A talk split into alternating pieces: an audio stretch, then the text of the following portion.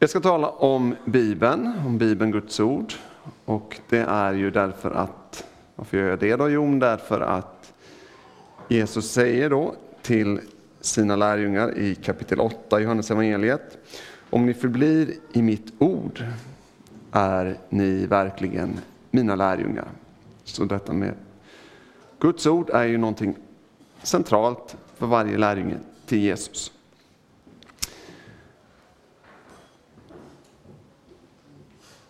Men med det, med det sagt så finns det ju många olika eh, sätt att närma sig Bibeln på. Och eh, om ni lyssnar till människor i samhället, kanske också människor i andra kyrkor och sådär, så får ni höra många olika uppfattningar om vad Bibeln är eller vad Bibeln gör.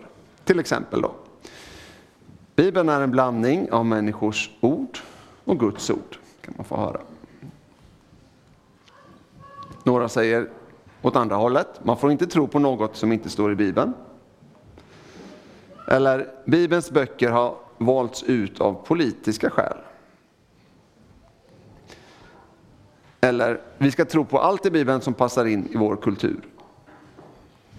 Hur ska man egentligen veta? Vi kan väl börja det här bibelpasset med att ni tänker efter lite. Känner ni igen någon av de här? Eller hör ni andra saker sägas om Bibeln som kanske jag borde haft med här? Tänk lite själva först. Vad säger människor, vad säger kristna om Bibeln? Ta en liten stund, prata med den som sitter bredvid dig och fundera på, känner ni igen någonting av det här? Har ni hört något av det här förut?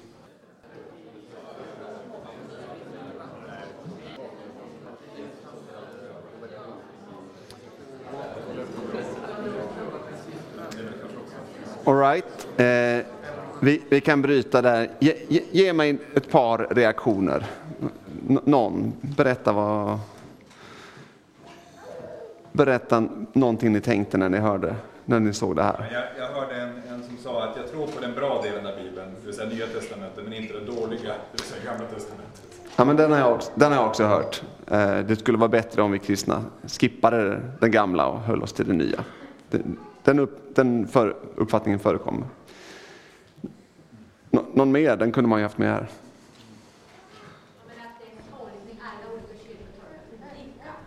Just det. Just det, vi tolkar olika.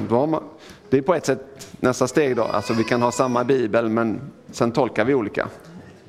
Och när man säger så så menar man ofta att det är lite osäkert egentligen vad som egentligen står i bibeln eller vad budskapet egentligen är. Bra. E- en till, en tredje.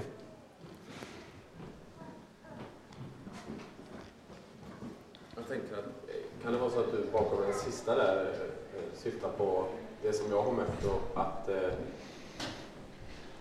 i kombination med den första, att eh, till exempel Paulus, han säger mycket bra, men vissa saker är så väldigt präglat av den tiden. Och det behöver vi inte ta hänsyn till. Mm. Så man, man, kan, man, eh, man försöker visa bort det som man tycker är kulturellt. Liksom. Just det, just det.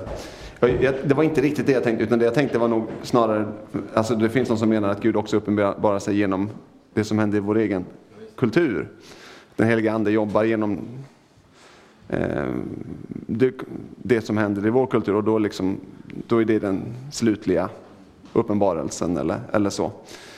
Eh, det konstiga med det är ju då i så fall att den heliga Ande jobbar på olika sätt i olika kulturer.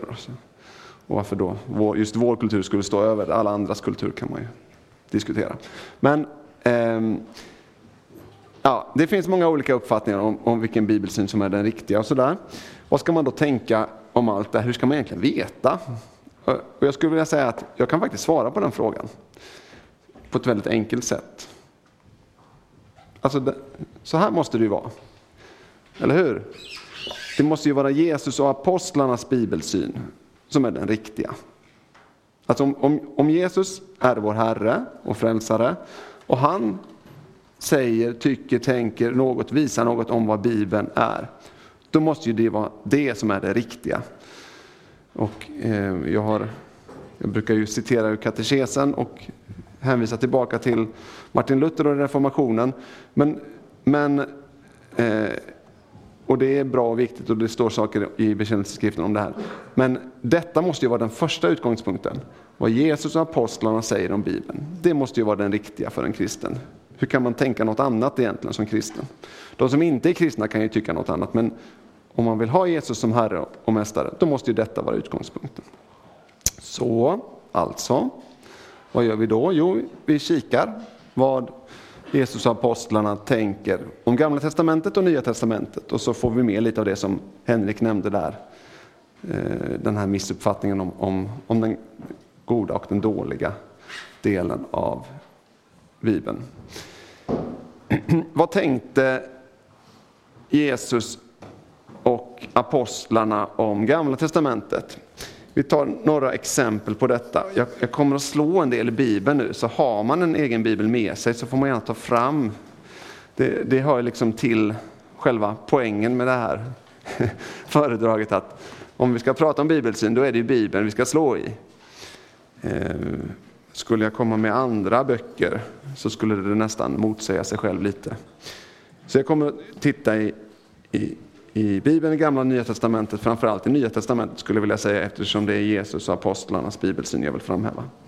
Så har du en bibel eh, så är det bra att börja bläddra i den. Det är till och med okej okay om du har din telefon och börjar bläddra i den. Bara du kan låta bli att bli distraherad av allt det andra som händer där. Och då tittar vi på vad tänkte Jesus och apostlarna, till exempel då eh, Matteus, aposteln Matteus. Vad tänkte han, hur såg han på Gamla Testamentet? Jo, i Matteus kapitel 1, 22 så får vi en liten fingervisning. Då står det så här. Allt detta hände för att det som Herren hade sagt genom profeten skulle uppfyllas. Allt detta hände för att det som Herren hade sagt genom profeten, profeten Jesaja, skulle uppfyllas.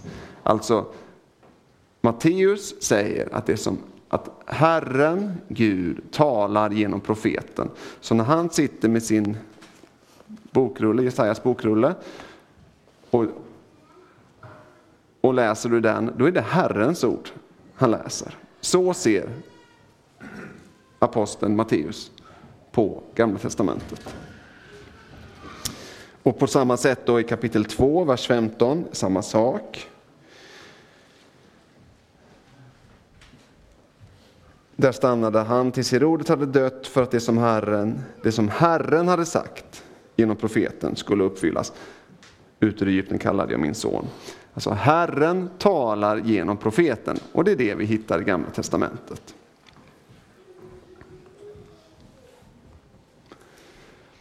Så så såg aposteln Matteus på, på Gamla Testamentet.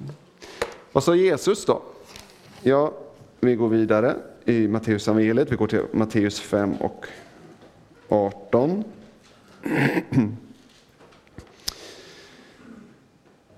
Och då står det så här. Jag säger er sanningen, säger Jesus, innan himmel och jord förgår ska inte en bokstav, inte en prick, inte ett jota i lagen förgå förrän allt detta har skett. Alltså Jesus säger inte, det där var gamla testamentet, det var då. nu kommer jag med något nytt. Han säger i och för sig att han kommer med någonting nytt, men det betyder inte att han slänger ut det gamla. Utan han understryker att auktoriteten i gamla testamentet, den står kvar.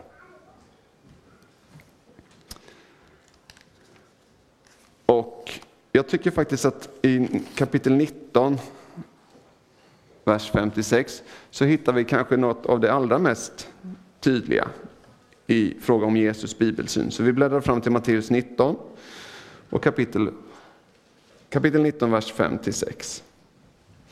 För man skulle ju kunna tänka sig att, att när det står i Gamla Testamentet att det är Gud som talar, då är det Gud som talar. Och så, men sen när det kommer en berättelse om någonting, det är en berättare som liksom, en handling om, ja, David och Batseba eller någonting, då är det människors ord. Alltså att det skulle vara en blandning i Gamla Testamentet mellan Guds ord och människors ord. När det står att det är Gud som talar så är det Gud som talar och sen så när det kommer en berättelse då är det människors ord. Och så. Men så verkar inte Jesus tänka.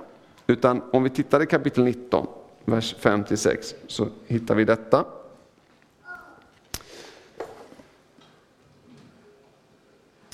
Nu ska vi se, vi får läsa vers 4 här ser jag. Han svarade, har ni inte läst att skaparen från början gjorde dem till man och kvinna och sa, och sa därför ska en man lämna sin far och sin mor och hålla sig till sin hustru, de två ska bli ett kött. Och det där, därför ska en man lämna sin far och sin mor och hålla sig till sin hustru. Det är ju egentligen berättaren i, gamla, i första Mosebok som säger. Alltså det, det, det, står inte att Gud säger så här, utan det är berättaren i första Mosebok, Moses, som säger detta när han återberättar. Men detta är skaparens ord, enligt Jesus. Och det är därför det är kursiverat. Då i, i, så det som Bibeln berättar i Gamla Testamentet, det är Guds ord, enligt Jesus.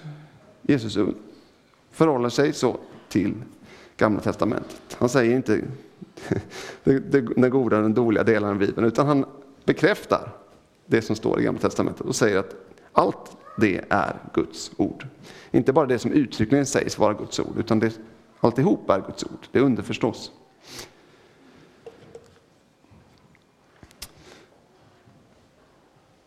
Vad tänker Jesus och apostlarna om det som står i det nya testamentet då? Det är ju en lite klurigare fråga egentligen. Visste apostlarna när de skrev att de skrev Guds ord? Visste Paulus om det? Att när han predikade så predikade han Guds ord, han skrev ett brev. Eller var det så att han tänkte att nu skriver jag ett brev och sen så kom kyrkan på i efterhand att det här, måste, det här kan vi nog förklara vara Guds ord. Var de medvetna om det här själva?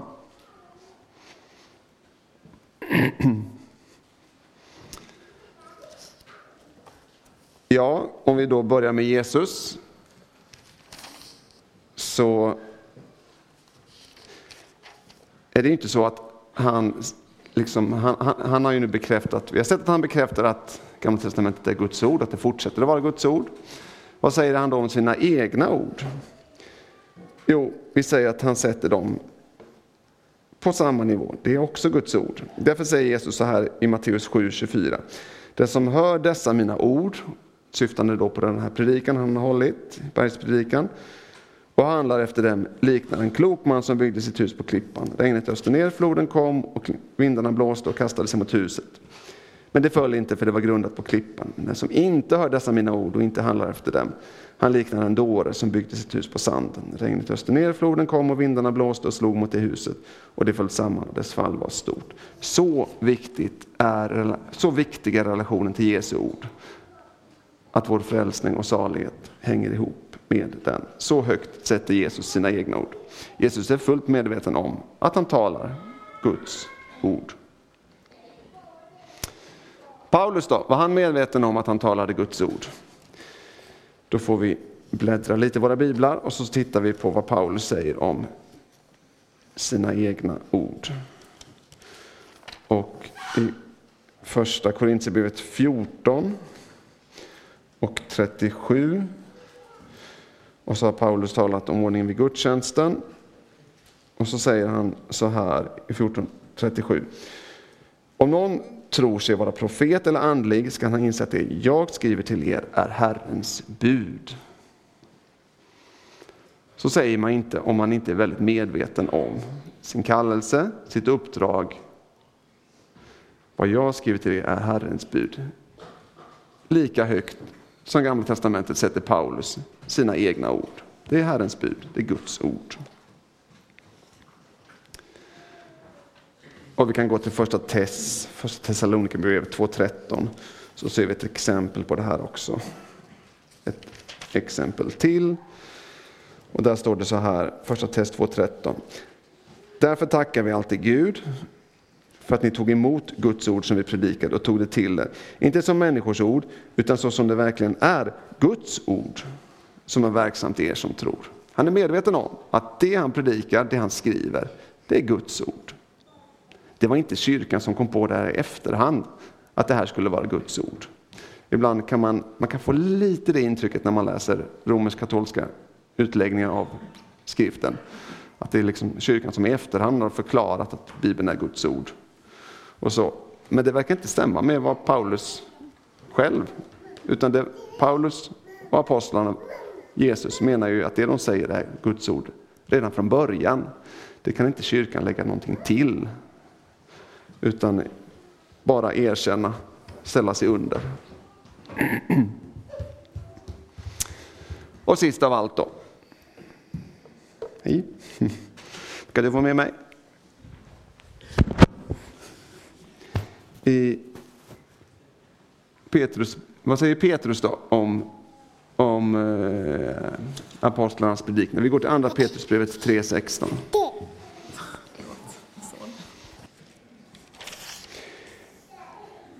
I andra Petrus 3.16 så står det så här, eller 15 och 16 får det bli. Så har också vår älskade broder Paulus skrivit till er efter den vishet som han har fått. Och så gör han i alla sina brev när han talar om detta. I hans brev finns en del som är svårt att förstå. Vilket, det här är ju nästan lite humor. Alltså, Petrus tycker att Paulus är svår att förstå ibland. Så det behöver man inte vara, om man själv tycker att Paulus är svår att förstå kan man tänka, ah, okej, okay, jag, jag är i gott sällskap. Vissa saker är svåra att förstå i Bibeln. Eh, en, I hans brev finns en del som är svårt att förstå och som okunniga och ostadiga människor förvränger till sitt eget fördärv. Något som också sker med de övriga skrifterna. Alltså, Petrus menar att det som Paulus skriver, det är på samma nivå som Gamla Testamentets skrifter. Petrus vet om det här, att Paulus har skrivit Guds ord. Han sätter upp det på samma nivå. Han erkänner det vara på samma nivå, ska jag säga. Så vad har, de, vad har Jesus och apostlarna för bibelsyn? Jo, de menar att det som vi håller idag och kallar bibel, det är Guds ord. Nu var det ju såklart så att eh, Jesus och apostlarna hade ju inte Nya Testamentet i sina händer av förklarliga skäl. Men de var medvetna om att det de sa, det de predikade och det de förkunnade, att det är Guds ord. Det visste de. Okej, eh, om det nu är Jesus apostlarnas bibelsyn, då är det ju det rimliga och det rätta för oss att bekänna och hålla oss till den här bibelsynen. Vad betyder då det? Vi ska ägna 20 minuter åt att eh, några, nu har vi liksom lagt grunden här, första delen. Nu kommer fortsättningen. Vad blir då konsekvensen av det här? Om Bibeln är Guds ord, om man kan hålla upp en bibel och säga detta är Guds ord, vad blir då detta konsekvensen av det här? Jo, det betyder ju att när man håller i en bibel så är det en bok med en särskild inspiration och auktoritet. Alltså vi menar att Gud har gett orden till profeter och apostlar. Profeterna i Gamla Testamentet, apostlarna i Nya Testamentet brukar man kanske lite snabbt hävda. Gud har gett orden till profeterna och apostlarna. Det är inte bara så att Gud gjorde någon handling, det hände någonting, en Guds uppenbarelse och sen skrev profeterna och apostlarna ner det här efter bästa förmåga och det blev Eh, ibland bra, ibland inte lika bra. Det är inte så, utan det är både så att Gud har uppenbarat någonting, har gjort någonting i historien, till exempel uttåget ur Egypten, och att han har gett orden till Moses att skriva ner det här. Han har både gjort handlingen bakom orden och gett själva orden. Och till stöd för detta vill jag då läsa det som jag tror nästan är det vanligaste när man pratar om skriftens auktoritet. För här förekommer just ordet inspiration. Andra Timoteus 3.16.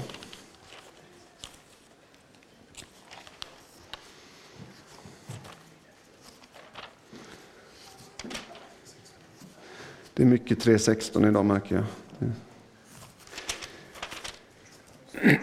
Andra Timoteus 3.16 står det så här. Hela skriften, hela skriften, alltså både gamla testamentet och nya testamentet. Hela skriften är utandad av Gud utandad av Gud, inspirerad av Gud. Och nyttig till undervisning, tillrättavisning, upprättelse och fostran i rättfärdighet. Så att Guds människan blir fullt färdig, välrustad för varje god gärning. Gud gav orden till profeterna och apostlarna.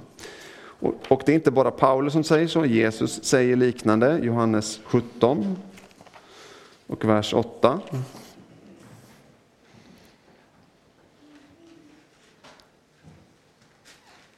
Vi kan börja på 17.7.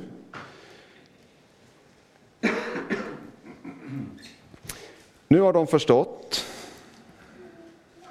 Johannes 17 och vers 7 och 8. Nu har de förstått, alltså lärjungarna, att allt som du gett mig, säger Jesus, kommer från dig. Han talar till Fadern. För jag har gett dem de ord som du gav till mig. Alltså, man kan nästan säga det här. Fadern ger orden till Jesus, Jesus ger orden till lärjungarna. Och vi får ge orden vidare till andra. Orden överlämnas från Gud till människan.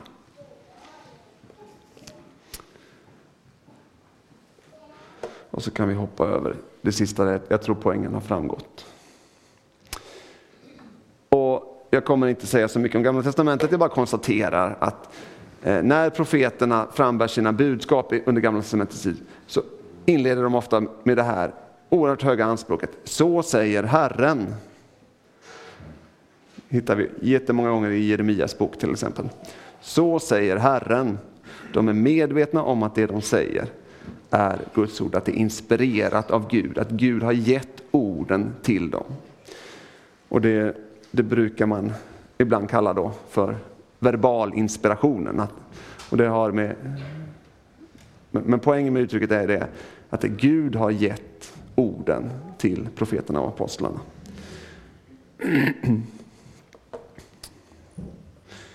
Så är Bibeln Guds ord så måste vi också tala om skriftens inspiration och auktoritet. Är Bibeln Guds ord så talar vi också om skriftens ofelbarhet. Alltså om, om Bibeln är Guds ord, då är det ju sant det som står i den. Allting är sant. Och det gäller även när vi inte förstår det. Man förstår ju inte allt i Bibeln. Eh, vid en första läsning till att börja med, men ibland får man hålla på väldigt länge. Bibeln är ofelbar, den talar sant i allt den uttalar sig om. Sen är det en annan sak att vi inte är ofelbara. Vårt förstånd är förmörkat, vi är syndiga människor och vi, ibland har vi fattas det kunskap. Och det kan göra att vissa saker, till exempel i Bibeln, är att, eh, kan vara svåra att pussla ihop med varandra. Till exempel sådana här, om man tittar på dateringen av kungaböckerna och krönikeböckerna och så försöker man pussla ihop dem där och så fattas det liksom pusselbitar för att man riktigt ska se exakt när saker och ting hände. Eller, eller uttåget ur Egypten, då diskuterar ibland bibelforskare om det där var 1500-talet före Kristus eller 1200-talet före Kristus. Och så kan vi inte riktigt lägga alla pusselbitar för vi har inte all kunskap. Och det får vi leva med. Men det betyder inte att, att det är fel i Bibeln, utan det betyder bara att vi, vår kunskap eh, inte är fullständig. Och man kan väl se lite av den här Guds ofelbarhet och människans felbarhet i Psaltaren 19. Kan vi läsa några verser där.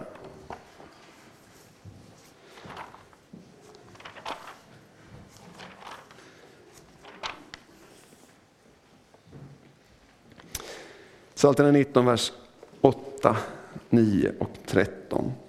Då talar psalmisten David först då om Herrens undervisning. Herrens undervisning är fullkomlig. Den ger nytt liv åt själen. Herrens vittnesbörd är sant, det är viset åt enkla människor. Herrens befallningar är rätta, de ger glädje åt hjärtat. Herrens bud är klart, det ger ljus åt ögonen. Det skulle ju kunna vara så att om vi nu säger att Bibeln är ofelbar, sann i allt den talar om, perfekt. Att det här skulle kunna liksom leda till högmod hos oss kristna. Eftersom vi nu sitter på sanningen så har vi liksom rätt att gå ut och trycka till folk som inte fattar lika bra. Men det menar inte Bibeln, det menar inte Guds ord. Utan eh, David här till exempel då, är ju mycket medveten om sina egna fel och brister. Så, som vi då hittar i vers 13. Vem märker hur ofta han felar, förlåt mig mina hemliga brister. Alltså Bibelns ofelbarhet går väldigt väl ihop med vår egen eh, läran om vår egen synd och, och begränsning och sådär. Vi behöver inte bli hö, högmodiga bara för att vi sitter på, på sanningen. Är Bibeln Guds ord så betyder det också att den är klar och den är tillräcklig. Och det här var ju någonting man diskuterade väldigt mycket under reformationen, 500 år tillbaka i tiden. Då, ehm, då anförde ju reformatorerna bibelord som visade att människan blir frälst av nåd endast. Utan gärningar, utan meriter. Och det här blev ju lite besvärande då för de romerska katolikerna som då menade att ja, det kanske står så i Bibeln, men skriften är inte riktigt klar. Utan det här är lite dunkelt. Så det spelar inte så stor roll egentligen vilka bibelord ni kommer med. För eh, Bibeln är inte i sig själv klar. Och de menade också att Bibeln är inte tillräcklig. Utan man måste ha också den muntliga traditionen för att rätt förstå Bibeln. Så, men reformatorerna menade då att skriften i sig själv är klar och den är tillräcklig. Men när man säger det att skriften är klar, så kan, det, det, det, går liksom att missförstå det. Betyder det att allt i Bibeln är lätt att förstå? Nej, det gör det inte. Allt i Bibeln är inte lätt att förstå. Det tyckte inte Petrus heller. Att det som Paulus skrev var så, alltid så, så lätt att förstå. Eh, det är ju, jag fick den synpunkten från, från eh, återträffarna igår. att det finns en del ord i Bibeln som är svåra att förstå. Och det är det ju. Så är det ju liksom till att börja med. Alltså det finns ord i Bibeln som inte används i vårt vardagsspråk. Försoningsoffer till exempel, det pratar man inte om när man eh, eh, ja, träffar kompisarna och sådär. Har du sett det senaste försoningsoffret på TikTok?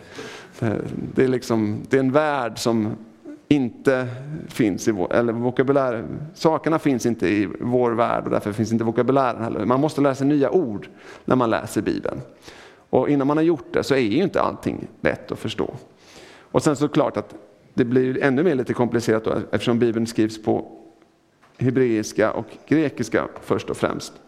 Så bakom de svenska orden så finns det grekiska ord som man ska, hebreiska ord som man kan lära sig att förstå. Så förstår man ännu lite mer när man, ja. Så det, Bibeln är klar, men det betyder inte att den är, alltid är lätt att förstå.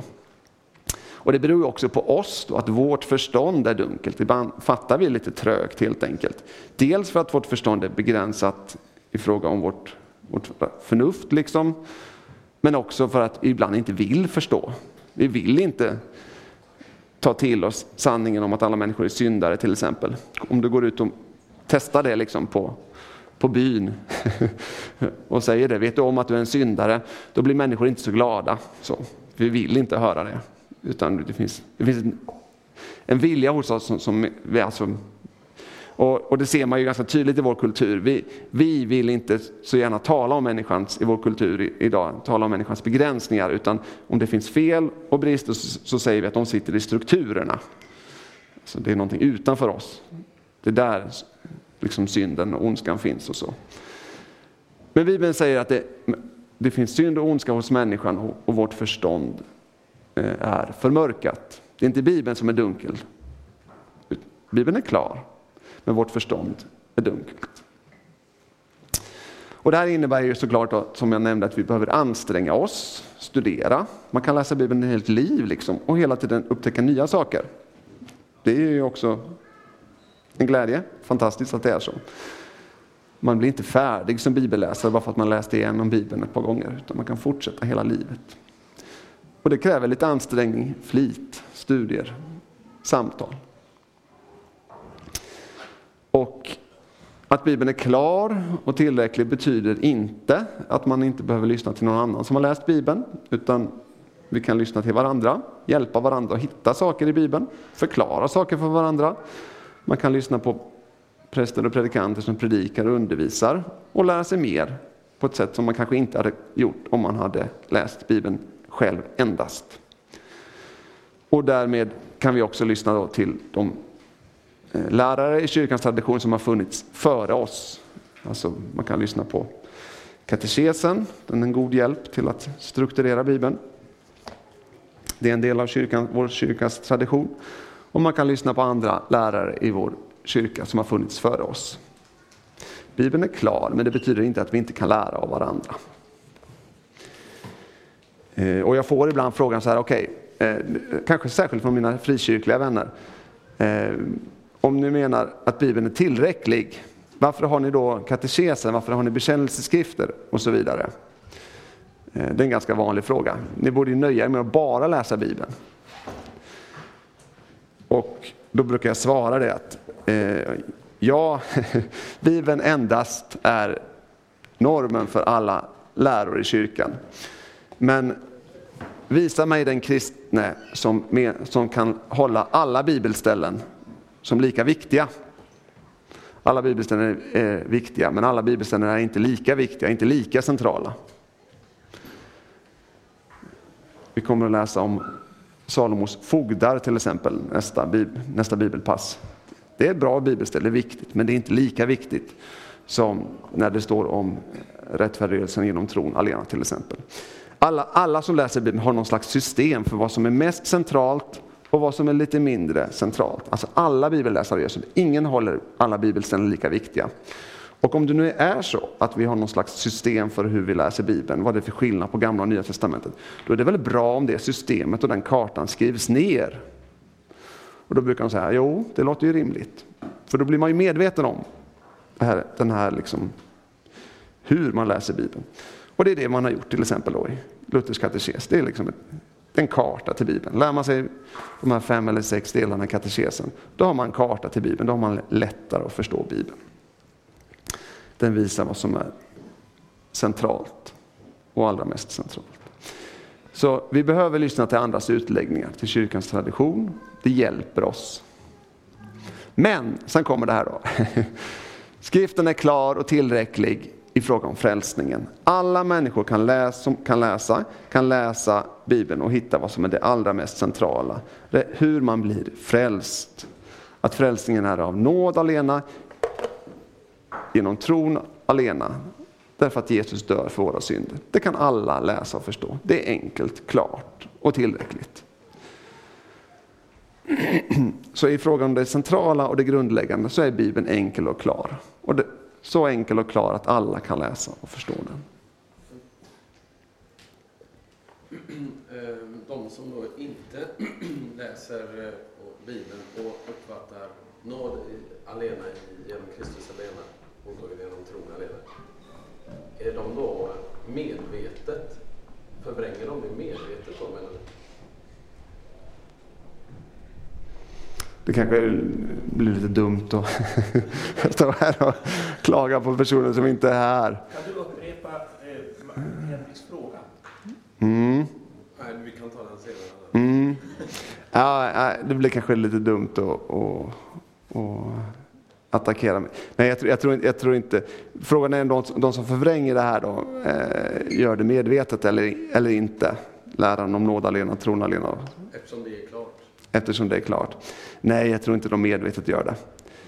Men, men man kan ju ha fel fast man, alltså man omedvetna fel eller sådär. Ja.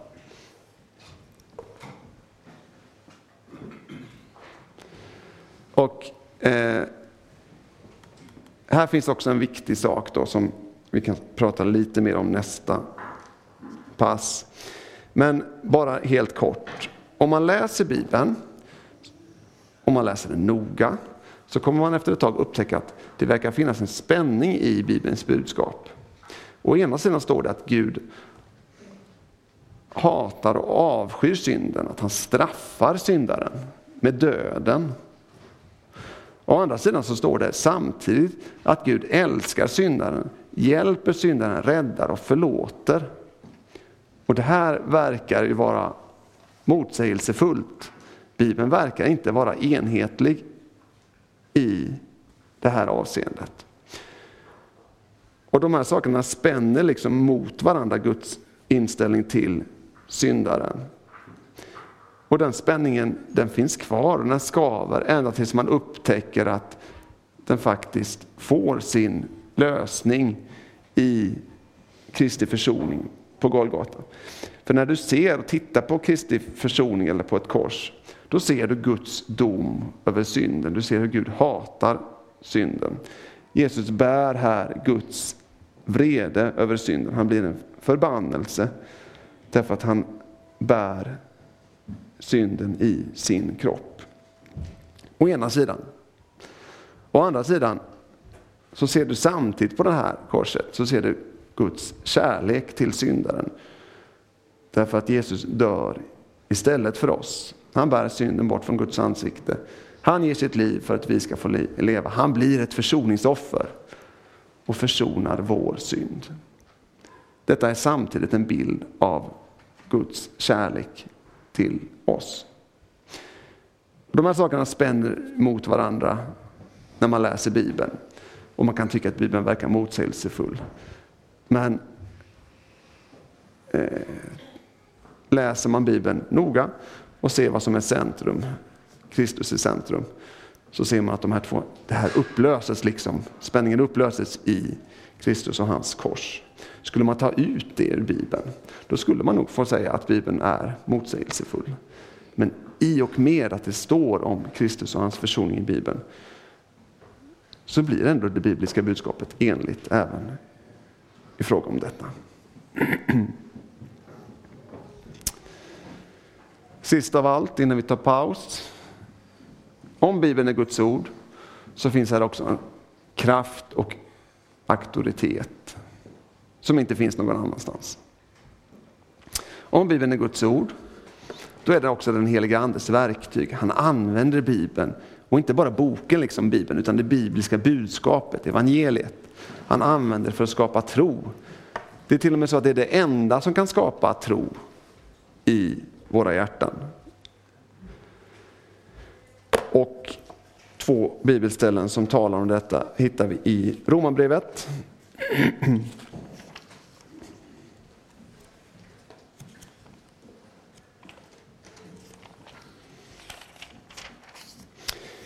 I Romarbrevet 1.16 så står det så här. Och det var ju detta då som Martin Luther upptäckte. Det var ju detta bibelställe som drev hela den reformationen. När han upptäckte hur Bibelns till synes motsägande läror fick sin lösning i Kristus. Romarbrevet 1, 16 och 17. Jag skäms inte för evangeliet. Det är en Guds kraft till frälsning för var och en som tror. Juden först, men också greken. I evangeliet uppenbaras rättfärdighet från Gud. Av tro till tro, så som det står skrivet. Den rättfärdige ska leva av tro. Hur blir människor frälsta? Jo, på grund av Kristi, Kristi försoning. Hur delas det här ut runt om i världen? Genom evangeliets predikan. Så sprids Kristi försoning och frukten av den runt om i världen. Evangeliet är en Guds kraft till frälsning för var och en som tror. Och samma tanke finns ju då i Romarbrevet 10, vers 14 till 17.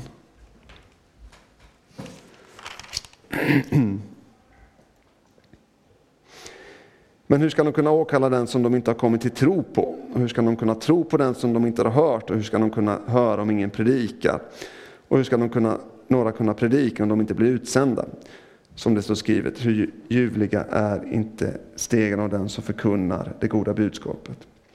Men alla vill inte rätta sig efter evangeliet. Jesaja säger, Herre, vem trodde vår predikan? Alltså kommer tron av predikan och predikan genom Kristi ord.